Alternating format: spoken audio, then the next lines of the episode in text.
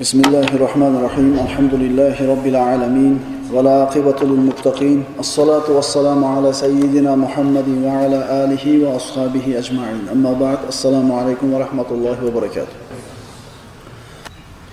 payg'ambarimiz sollallohu alayhi vasallam hijratning 9 yili rajab oyida tabukka bordi va u yerdan rum jang qilishlikka chiqishlikni xohlamadi jang bo'lmadi payg'ambarimiz qaytib keldi Nabiy sollallohu alayhi vasallam o'zini qo'shini bilan madinaga kirishdan avval to'xtaladigan oxirgi manzilga kelishdi. Ya'ni mana shu joyga to'xtashadi. Endi bu yerdan to'xtab jilganidan keyin madinaga kiriladi. Oxirgi to'xtaydigan joy. Mana shu joyda payg'ambarimiz o'zining ikki sahobasini ansorlardan bo'lgan ikki sahobani g'arib ajib bir buyruq bilan madinaga yubordi.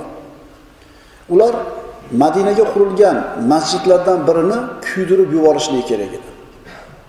Ajib deganimizni sababi shu. Hali biror marta bunday ish qilingan emas. Payg'ambarimiz sallallohu alayhi vasallam munofiqlar qurgan masjidni kuydirib tashlashlik vazifasi bilan mana shu ikkita ansorni qo'shindan o'zib ilgariroq yetib boringlar deb yubordi. Bu masjidni munofiqlar qurishgan edi. Munofiqlarni adadi katta edi. Hali payg'ambarimiz tabukka chiqib ketmasidan avval masjidni bitirishgan edi. Ular kelib yo rasululloh biz masjid qurdik. Bu masjid qubo masjidini yoniga qurilgan edi. Qubo masjidiga yaqin edi. Mana bilasizlar qubo masjidi islom tarixida qurilgan birinchi masjid. La masjidun ussisa ala taqvo ya'ni taqvoni ustiga birinchi kunidan taqvoni ustiga qurilgan masjid deb Alloh qubo masjidini aytgan edi. Shu masjidga yaqin joyga qurishgan edi. Abu omir ismli kishi. Abu omir hazraji rasululloh hali madinaga hijrat qilib kelmasidan avval makkani podshohi bo'lishlikka tayyorgarlik ko'rayotgan edi. Chunki avs bilan hazraj qabilalari kelishib mana shu odamni o'zlariga boshliq podshoh qilishmoqchi o'tirgan edi. Endi rasululloh hijrat qilib keldi qo'lidan mulk ketib qoldi. Shunda u shu u shomga ketib qolgan edi. Mushriklar makka mushriklari uhudga kelayotganlarini eshitganida u ana shu shomdan kelib mushriklarga qo'shilib musulmonlarga qarshi uhudda jang qilgan edi. Agar esimizdan chiqmagan bo'lsa uhud kunida payg'ambarimiz sollallohu alayhi vasallam bir chuqurga yiqilib tushgan edi. Ana shu chuqurni abu omir kavlagan edi. Abu omir musulmonlarni islomni shan yuksalayotganligini ko'rib madinaga kelmoqchi bo'ldi. Kelmoqchi bo'lib madinadagi munofiqlarga odam yuborib shunday degan edi sizlar bir masjid quringlar men madinaga boraman islomni zohir qilaman mana shu masjiddan turib ishlarimizni yurgizamiz. Uni shu talabiga ko'ra munofiqlar masjid qurishgan edi. Rasulullohni oldiga ular hali rasululloh tabukka chiqib ketmasidan avval masjidimizda borib namoz o'qib bering bir barakot bo'lsin. Sizni o'qiganligingizni ko'rib odamlar ham kelib o'qisin bir xayriyat bo'lsin deb munofiqlar kelishdi. Shunda rasululloh sollallohu alayhi vasallam biz hozir tabuk bilan bandmiz. Tabukdan qaytaylik ko'ramiz degan edi. Mana endi payg'ambarimiz tabukdan qaytib kelyotib hali madinaga kirmasdan bu masjidni kuydirib yuborishligi haqida buyruq berdi. Olloh qur'onda bu masjidni masjidi ziror deb nomladi. Bu masjid taqvo uchun qurilmagan edi. Aksincha dinda bir fasodga uchratish odamlarni o'rtasiga fitna solish uchun mana shunday niyatda qurilgan zohiri masjid bo'lgani bilan undan ko'zlangan maqsad fasod edi. Musulmonlarni o'rtasini bir tafiqaga bo'linishlikka solishlik edi. Bu ikki ansor rasulullohni buyrug'ini bajardi. Qo'shindan avval madinaga kirishdi masjidi zirorga borib uni kuydirib tashlashdi.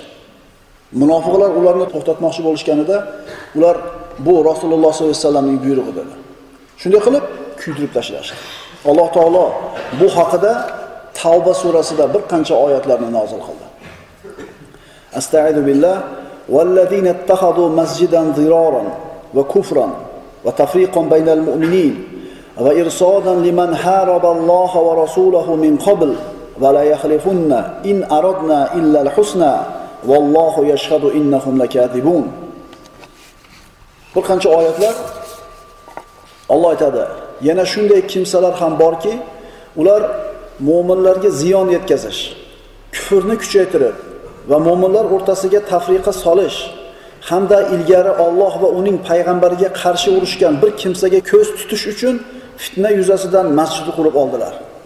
Demak, Abu Omirni, Abu Omirni kelishiga ko'z tutib ular masjid qurishdi deyapti Alloh taolo. Yana biz faqat yaxshilikligini istagan edik deb qasam ichadilar.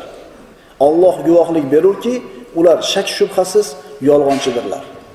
Bu masjidni nima niyatda qurilganligini Alloh payg'ambarimiz sollallohu alayhi vasallamga bildirdi.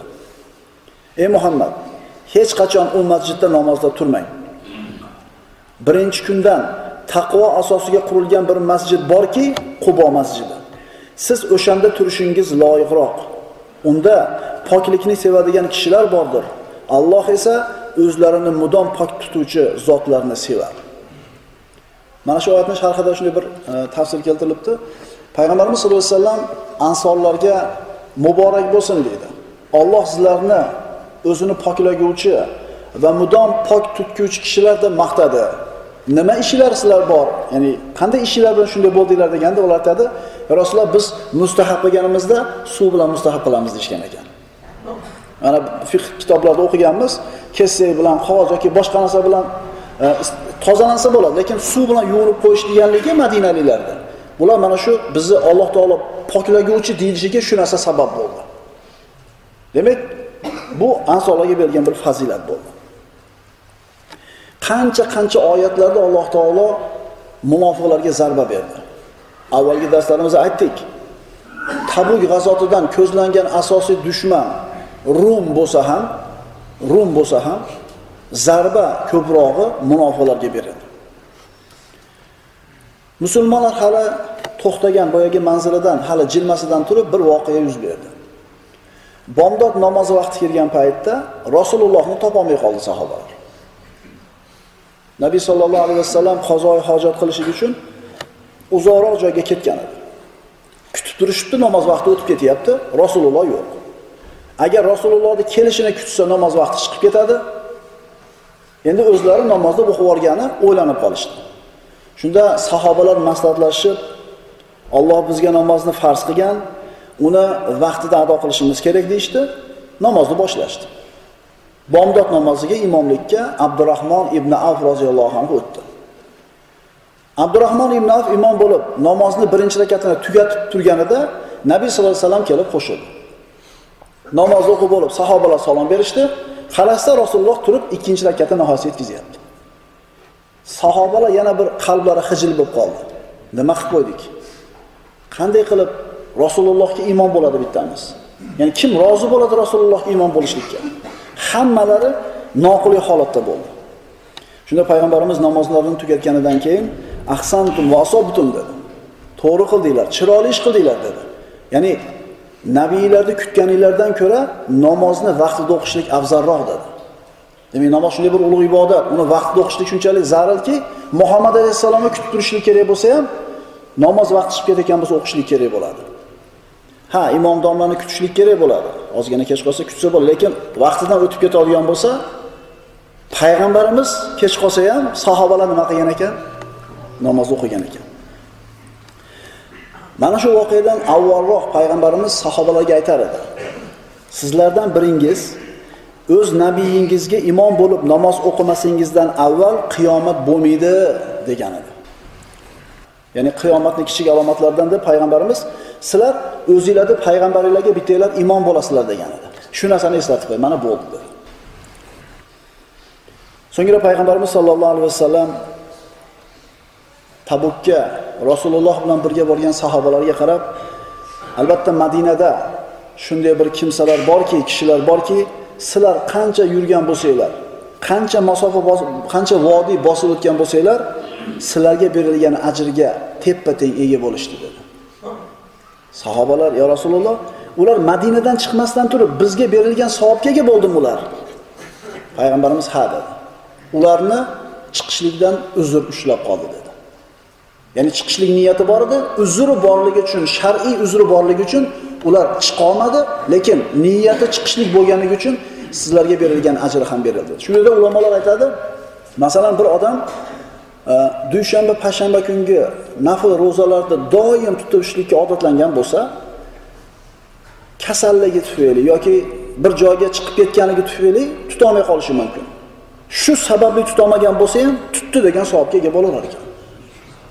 Shuning uchun innamal amalu binniya doimiy suratda qildi bir uzr bilan qilolmay qolsa ham qilganlar qatorida ajr olaverar ekan. Rasululloh sollallohu alayhi vasallam madinaga kirib keldi. Endi tabukka chiqmagan kishilar kelib rasulullohga uzrlarini aytishni boshlashdi. Payg'ambarimiz masjidga kirib ikki rakat namoz o'qidi. Bu rasululloh sollallohu alayhi vasallamning sunnatlari edi. Qachon bir safardan kelsa avval masjidga kelib ikki rakat namoz o'qib keyin uyga borardi. Masjidga kelgan paytda yettita odam o'zini masjidni ustuniga bog'lab qo'ygan edi. Ya'ni rasululloh bilan birga chiqmaganligiga o'zlarini bir tavbalari ko'rinishida tavba qilgan misolida o'zini masjidni ustiga bog'lab bu yetti kishi rasululloh yechib qo'ymaguncha biz o'zimiz yechmaymiz deb turishgan edi. Rasululloh ularni olloh avf qilmaguncha men yechib yubormayman dedi. Keyinchalik bular haqida oyatlar nozil bo'ldi. Va axaruna i'tarafu bi dhunubihim khalatu amalan solihan va akhara asallohu an yatuba alayhim innallohu g'afurur rahim yana boshqa bir kishilar borki gunohlarini e'tirof qilurlar. Ular yaxshi amalni boshqa yomoniga aralashtirib yuborganlar. Alloh ularning tavbalarini qabul qilsa ajab emas. Alloh albatta olloh mag'firatli mehribondir. Ana shu aso kalimasini asa alloh taolo asa degan bo'lsa ehtimol ajabmas degan kalima kelsa demak olloh kechirishligi avf qilishligi vojib bo'ldi deb aytishadi. Keyin payg'ambarimiz bularni yechib yuborishlikka buyuradi. Bu yetti kishi qilgan ishlaridan pushaymon bo'lib uylaridagi bor mol mulklarni ko'tarib kelishdi. Yo rasululloh siz bilan chiqishlikdan bizni chalg'itib to'sib qo'ygan narsa mana shu mollarimiz shu molni deb biz sizdan qolib qoldik orqada. Tavbamizni to'g'riligini dalili sifatida bularni hammasini oling. Olloh yo'lida sadaqa dedi ya'ni tavbasini haqiqiy ekanligiga dalil. Mana shu pullarni hammasini olloh yo'lida shu pul bizni chalg'itdimi? Alloh yo'lida ehson dedi. Payg'ambarimiz sallallohu alayhi vasallam men sizlarni molinglarni olishlikka buyurilmadim dedi. Lekin ular ilhaq o'tinib turib so'rashib turib oldi. Shunda alloh taolo oyat nozil qildi. Xuz min amvalihim sadaqatan tutahhiruhum va tuzakkihim biha va solli alayhim inna salataka sakanun lahum vallohu samiun alim. Ey muhammad siz ularning mollaridan bir qismini o'zlarini poklab tozalaydigan sadaqa sifatida oling va ularning haqlariga duo qiling. Albatta sizning duoyingiz ular uchun orom osoyishtalik bo'lib Alloh eshituvchi bilguvchidir payg'ambarimiz ularni mollaridan bir qismini oldi hammasini olmadi. Odamlar payg'ambarimiz oldiga endi uzrlarni aytib kelishar edi so'ngra kab ibn molik roziyallohu anhu payg'ambarimiz oldiga kelib u kishi ham uchradi. Bir ajib bir qissaki kab ibn molikni qissasi imomi buxoriy va boshqa sahiylarda keltiriladi. U kishi payg'ambarimiz oldiga uzr aytgani keldi. Kab ibn molik bu kishi munofiqlardan emas edi iymonli kishilardan edi. U aytdi vallohi menga faqatgina rostgo'ylik foyda beradi. Yolg'on zarar qiladi. dedi. Payg'ambarimiz oldiga keldim. Rasululloh menga g'azablangan kishining tabassumi bilan qarab turib ma xilafak dedi. Nimaga chiqmadingiz? dedi. Ya'ni g'azablangan kishini tabassumi bilan qaradida nimaga chiqmadingiz? dedi. Shu paytgacha kelib uzr aytgan hammasi to'g'ri noto'g'ri bahonalarni aytib payg'ambarimizga uzr aytishdi payg'ambarimiz uzrlarni qabul qildi. Endi bu kishi yo rasululloh dedi. Menda hech qanday uzr yo'q dedi. Siz bilan birga chiqmagan kunimdek boshqa kuni boy bo'lgan emasman bunchalik. Ya'ni chiqmagan kunim eng boy holatim edi siz bilan chiqmagan kunim boyligim katta edi. Vallohi menda uzr yo'q dedi. Noqislik nafsni zaifligi yalqovlik uzrim yo'q dedi. Payg'ambarimiz sahobalarga qarab turib amma hada faqat sadaq dedi. Ammo bu dedi bu to'g'risini aytdi. Demak kim avvalgi aytganlar yolg'on gapirgan edi ammo bu to'g'risini aytdi dedi nabiy sollallohu alayhi vasallam Kab ibn Malik xususida biron hukm qilmadi. Av ham qilmadi, jazolamadi ham. Allohning hukmi kelgunicha sabr qilishga buyurildi. Astagfirullah va axaruna murjauna li amrillah imma yu'azzibuhum va imma yatubu alayhim vallohu alimun hakim. Alloh bular haqida nima dedi? Yana boshqa bir guruh kishilar borki, ular Allohning amriga qoldirilurlar. U zot o'zi ularni yo azobga giriftor qilar yoki tavbalarini qabul qilur. Alloh bilim va hikmat sohibidir. Demak, bular haqida aytiladigan hukm keyinga qoldirildi. Bu kishilar 3 kishi edi. Ka'b ibn Malik, Hilol ibn Umayya va Maror ibn Rabi roziyallohu anhular. Uchalasi ham solih, haqiqiy mo'min kishilardan edi. Ka'b ibn Malik aytadi: Rasulullohning oldidan keldim. Meni oldimga qarindoshlarim kelib, "Ey Ka'b, hamma borib payg'ambarimizga bir uzrni aytdi-da, bir bahonani aytdi-da, shu bilan payg'ambarimiz uzrni qabul qildi, kechirdi. Sen ham birorta bir bahona topib aytolmadingmi? Deb menga shunday bir ma'lumot berishaverdi. Men ham qaytib borib, biror bahonani aytib, bir uzr so'rab qo'ysammikin degan xayolga borib qoldim deydi. So'ngra shu so'zni mendan boshqa yana birov ham aytdimi dedi. Ya'ni hech qanday uzr yo'q, o'zimni nafsimiz zaifligi bilan qoldim deb birorta odam aytdimi dedi, ha dedi. Hilol ibn Umayya va Maror ibn Robiyalar dedi. Bu ikki kishi Badrda qatnashgan kishilardan edi. Ka'b ibn molik Badrda qatnashmagan edi. Bu kishi mana bilasizlar Badr g'azotiga chiqishlik ixtiyoriy bo'lgan edi. Payg'ambarimiz karvonni to'samiz deb chiqib ketgan edi, g'azot demagan edi. Shuning uchun bu kishi chiqmagan edi. Lekin boyagi ikkita kishi Badrga chiqqanlardan edi. Ahli Badrdan bo'lgan ikkita odamni aytishdi deydi. So'ngra men ularni holi nima bo'lsa meniki ham shu bo'ladi. Chiqmadim deydi. Demak, mana shu uchta odamni hukmi keyinga qoldirildi. Keyinchalik butun Madina ahliga mana shu uch kishi bilan gaplashmaslik haqida buyruq keldi payg'ambarimizdan. Hech kim Madinada bu uch kishi bilan gaplashmaydi, man qilindi. Ka'b roziyallohu anhu aytadi. Odamlar biz bilan gaplashmay qo'yishdi. Kimisiga salom bersak ham haligi olishmas edi. Meni ikkita sherigim deydi, yoshi ulug'roq, oqsoqolroq odamlar edi.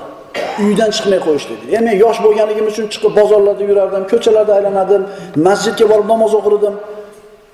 Payg'ambarimizga salom bersam, Rasululloh ham haligi olmas edi deydi. O'ylab ko'ring, butun boshli shaharda hech kim bu kishilarga gapirmayapti. Jonidan ham ko'proq ko'rgan payg'ambarimiz sollallohu alayhi vasallamga salom bersa ham Rasululloh ham haligi faqat dedi lablarini qimirlatib qo'yar edi, nima deyotganini eshitmasdim deydi Faqatgina lablarini qimirlatib qo'yar edi, lekin hech narsani eshitmas edi. Masjidda turib nafl o'qir ekanman, payg'ambarimiz sollallohu alayhi vasallamga o'qib olib shunday qarasam menga qarab turgan bo'lar deydi. Men qarashim bilan yuzini boshqa yoqqa tortib olardi. Shunday qilib 40 kun yurdik deydi. 40 kun hech kim bu 3 kishiga gapirmayapti. Nima uchun deng? Bir martagina payg'ambarimiz bilan erchib chiqmasdan, payg'ambarimizga bir marta osiy bo'lgani uchun shunday jazo. Lekin shunga ham rozi Ka'b molikki faqat Alloh tavbasini qabul qilsin. Mana shunday bir qiynalib turgan og'ir holida Shomdan bir savdogar keldi. Keldida Ka'b ibn Malik kim dedi. Menga ko'rsatib qo'yinglar uni dedi. Haligi kishiga meni ko'rsatishdi. U keldida mana bu maktub senga dedi. Bu maktub G'asson podshohlaridan, Nasroniy arablarning podshohlardan bo'lgan G'asson podshohlardan kelgan maktub edi. Maktubida shunday deyilardi. Maktubda Ka'b ibn Malikni maqtaganidan keyin bu G'asson podshohi aytdi. Sohibingiz sizga qilgan muomalasini xabari bizga yetib keldi. Siz bunday muomalaga loyiq emassiz. Qavmingiz ichida hurmatli aziz kishisiz. Sizga bunday muomala qilishga yarashmaydi.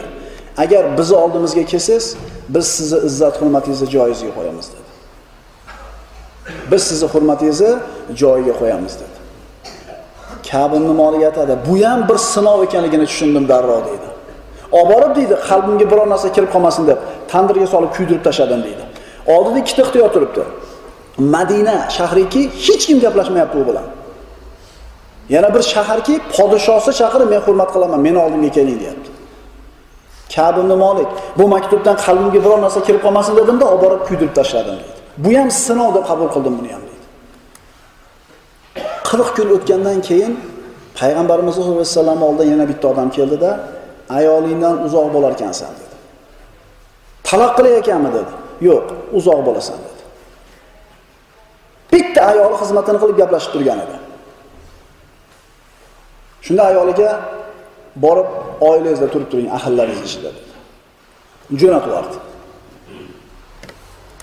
Ayolini qarindoshlari kelib, "Ey Kab, Hilol ibn Umayyani ayoli yonida qolibdi xizmatini qilgani. Ayoli borib payg'ambarimizdan so'ragan bo'ladi, "Ya Rasululloh, meni erim qari odam, o'zini xizmatini qila olmaydi, yonida tutursam maylimi?" degan edi. Payg'ambarimiz ruxsat bergan edi, faqat sen bilan billa bo'lmasin. Rasululloh ruxsat beribdi. Sen ham ayolingni qoldirib qo'y, faqat yaqin bo'lmaysan deganida, u ikkovi dedi, yoshi katta odam dedi. Men yoshman dedi. Rasululloh nima dedi, men ayolimni olib qolsam dedi. Ayolini jo'natib yubordi. Endi gaplashadigan bitta ayoli ham qolmadi. Mana shunday holatda yana 10 kun vaqt o'tdi. Hech kim ular bilan gaplashmadi. Kab o'zini holatini tasvirlab aytadiki, holatim shunday bo'ldiki, keng dunyo ko'zimga tor bo'ldi. Jonim o'zimga tor bo'lib ketdi. Ya'ni bu Madinani, bu yer yuzini tanimay qoldim qanaqa ekanligini deydi. Faraz qiling, hech kim gapirmasa sizga 50 kun. 50 kun o'tdi deydi. Holim tang bo'ldi. Shunda uyimning ustiga chiqib namoz o'qib turganimda holim Alloh sifatlagandek holatga kelib qolgan edi. To'satdan ey Ka'b ibn Malik, xursand bo'l, xursand bo'l ey Ka'b ibn Malik degan ovozni eshitdim deydi. Sajdaga yiqildim dedi xursand bo'lganimda. Meni Alloh kechirganligi haqidagi xabarni olib kelayotganligini tushundim. Qarasam, ikkita odam bir-biri bilan musobaqa o'ynayotgan edi bu xabarni olib kelishligi uchun deydi. Bittasi piyoda, bittasi otda. Piyodagi kishi qarasa otliq o'zib ketyapti. So'yinchini burunroq oladi. Shunda o'zib ketishini ko'rib turib, bir balandlikka chiqib turib baqirgan edi. Ya'ni undan burun yetsin ovozingda. Shoshilib tushib turib Ka'b molik Malik xushxabarni xush xabarni yetkazgan kishiga ko'ylagini yechib berdi sog'iga. Vallohi undan boshqa ko'ylagim yo'q edi deydi. Chunki Alloh u kishini tavbasini qabul qildi. Bitta qilgan gunohiga, bitta qilgan itoatsizligiga mana shunday jazo. Xursandchilikni cheki yo'q. Alloh tavbasini qabul qildi. Qarindoshlardan boshqa bir ko'ylakni oldida kiyib payg'ambarimiz sollallohu alayhi vasallam oldiga masjidga qarab yugurdi. Masjidga kelganimda odamlar juda ham ko'p yig'ilgan edi. Tiqilinchni qattiqligidan masjidga kirishim qiyin bo'lib ketdi. Hamma kelib Alloh tavbangizni qabul qilgani qulluq bo'lsin, tavba muborak bo'lsin deb hamma tabrikladi deydi. Odamlarni ko'pligidan tiqilinishdan o'tib borgunimcha kech qolib ketdim. Masjidga kirganimda Nabiy sallallohu alayhi vasallam kibor sahobalar bilan o'tirar edi. Shunda Talhat ibn Ubaydulloh roziyallohu anhu o'rnidan turib, hech qachon unutmayman buni deydi Ka'b ibn Turib, meni quchoqlab bag'riga bosib, mana shu tavba bilan muborakbod qildi dedi. So'ngra payg'ambarimiz sollallohu alayhi vasallamga salom berdim. Rasululloh salomimga alik oldi. So'ngra aytdiki, Rasululloh: "Ey Ka'b ibn Malik, onangiz sizni tuqqan kundan beri boshingizdan o'tgan eng yaxshi kun xursand bo'ling" dedi. Onangiz sizni dunyoga keltirgan kundan boshlab boshingizdan qancha kun o'tgan bo'lsa, siz uchun eng xursand bo'ladigan kun mana shu kun. Xursand bo'ling dedi. Muborak bo'lsin dedi. Alloh tomonidan u kishining tavbasi qabul qilingan. Agar Alloh kechirmasa nima bo'lardi holi? Qarang, jahannamga tushib ketishiga sabab bo'ladigan ish edi. Bitta edi bunaqa ish. Bitta, bitta ishga, bitta xatoga shuncha bir jazo, shuncha qiyinchilik, mehnat, mashaqqat. Ushbu oyatlar nozil bo'ldi mana shu hodisa haqida. Ka'b ibn Malik va u kishining hamrohlari haqida. Astagfirullah. Laqad taba Allahu ala nabiy wal muhajirin wal ansar alladhina ittaba'uhu fi sa'ati al-usra min ba'di ma kada yazighu qulubi fariqin minhum thumma taba alayhim innahu bihim rauf rahim wa ala thalatha.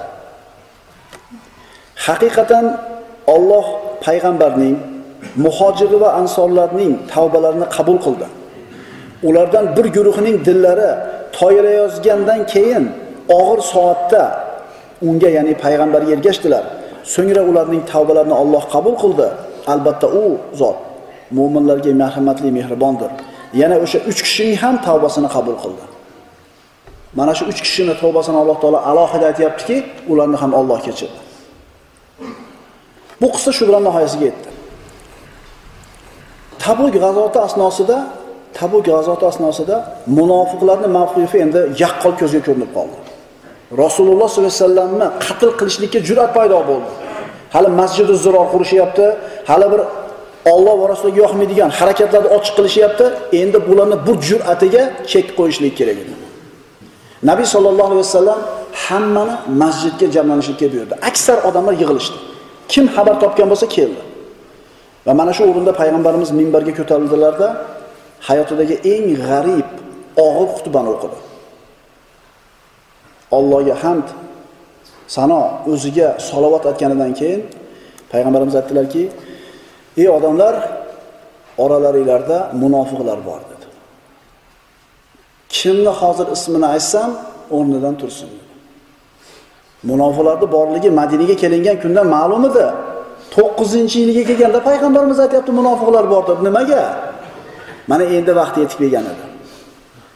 Oranglarda munofiqlar bor, kimni ismini aytsam o'rnidan tursin dedi. Endi sahobalarning holini bir o'ylab ko'ring nima bo'ldi. Shu yerda o'tirgan hamma ismi hozir munofiqlar qatorida zikr qilib qolinishidan xavotir deydi. Payg'ambarimiz sollallohu alayhi vasallam bir chekkadan nomlashni boshladi. Qum ya fulan. Qum ya fulan. Falonchi tur. Falonchi tur. Falonchi tur.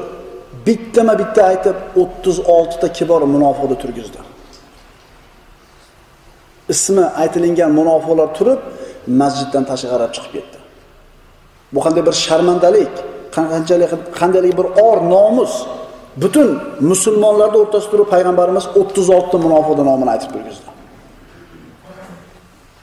9 yil sabr qildi payg'ambarimiz sollallohu alayhi vasallam. Rasulullohni xor deyishdi. Rasulullohning sha'ni haqida gapirishdi. Payg'ambarimiz sabr qildi. Vaqt soati keldi, payg'ambarimiz ularni bittama-bitta turib sharmanda qildi. Odamlar bu bo'layotgan ishdan qattiq qo'rqishdi, hayron bo'lishdi. Ochiq munofiqlarga zarba berilyapti. Sababi oyat ekanimizdek jur'at paydo bo'lgan. Birodalar, bunaqa munofiqlar hamma zamonda bo'lgan. Hozir ham bor.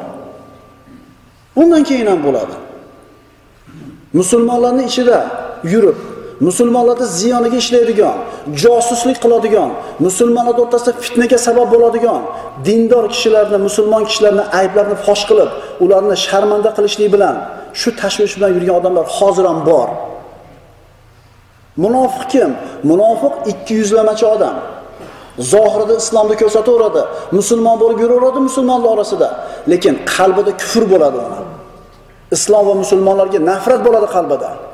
Shuning uchun bunday insonni qarasangiz, qachon qarasa bir dindorni yomonini gapiradi va maza qiladi shundan.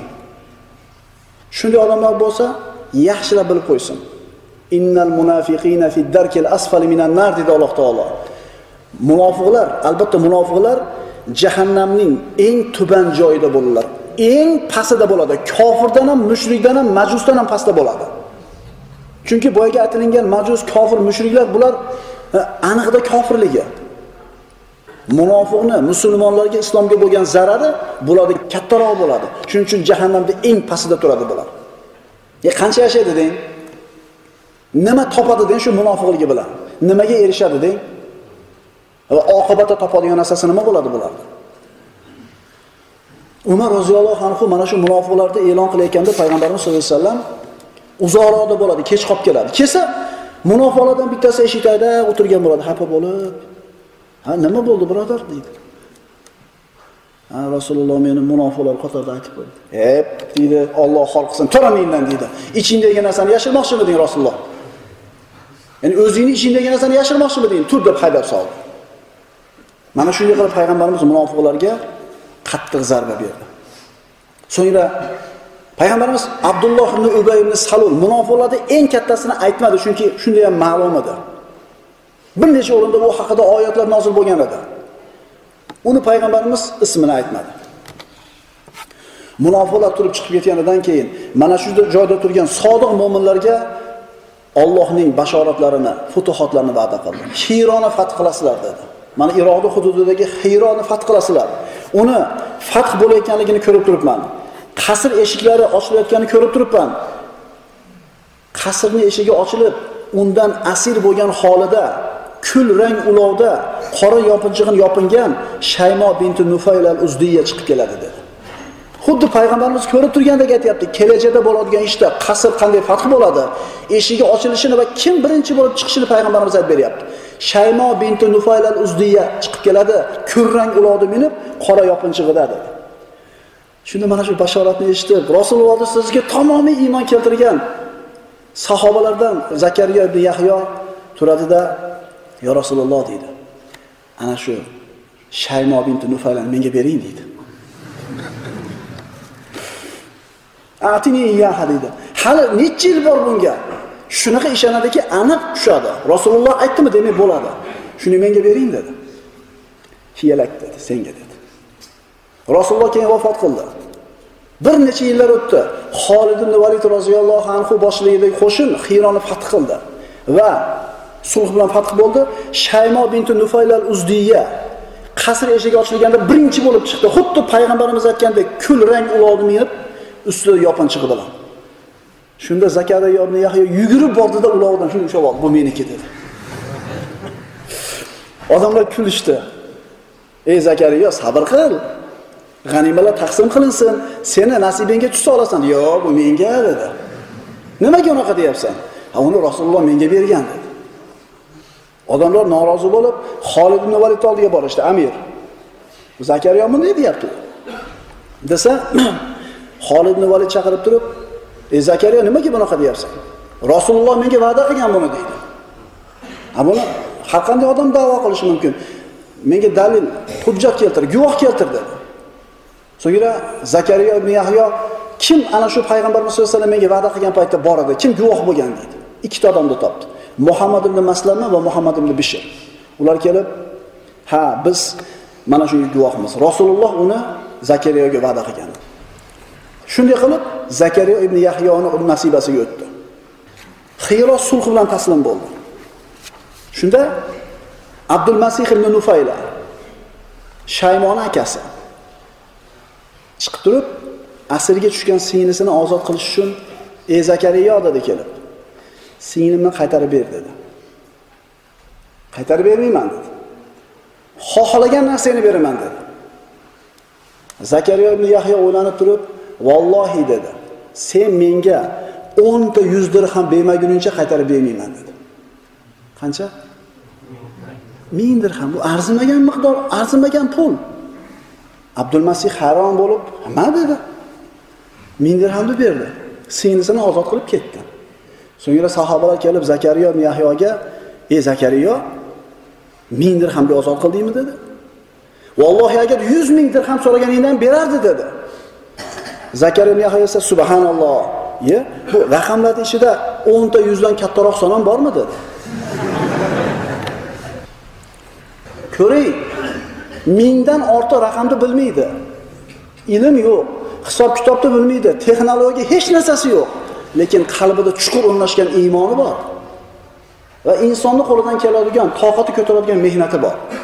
Mana shu chuqur iymoni bilan, ozgina insoniy mehnati bilan dunyoni fath qilishdi ular. Dunyoga islomni tarqatishdi, dunyoga ustoz bo'lishdi. Ming yillab turgan saltanatlar, texnologiyasi bo'lgan, ilm ma'rifati bo'lgan, qurol aslahasi bo'lgan shu katta bir mamlakatlar bu iymonli kishilarni ro'parasida turishlikka sabr qila olmadi. In tansurulloha yansurkum va yusabbit aqdamakum. Ey mu'minlar, agar sizlar Allohga yordam bersanglar, u zot ham sizlarga yordam berur va qadamlaringizni sobit qilur. Aqulu qawli hada va astagfirulloh li va lakum. Assalomu alaykum va rahmatullohi va barakatuh.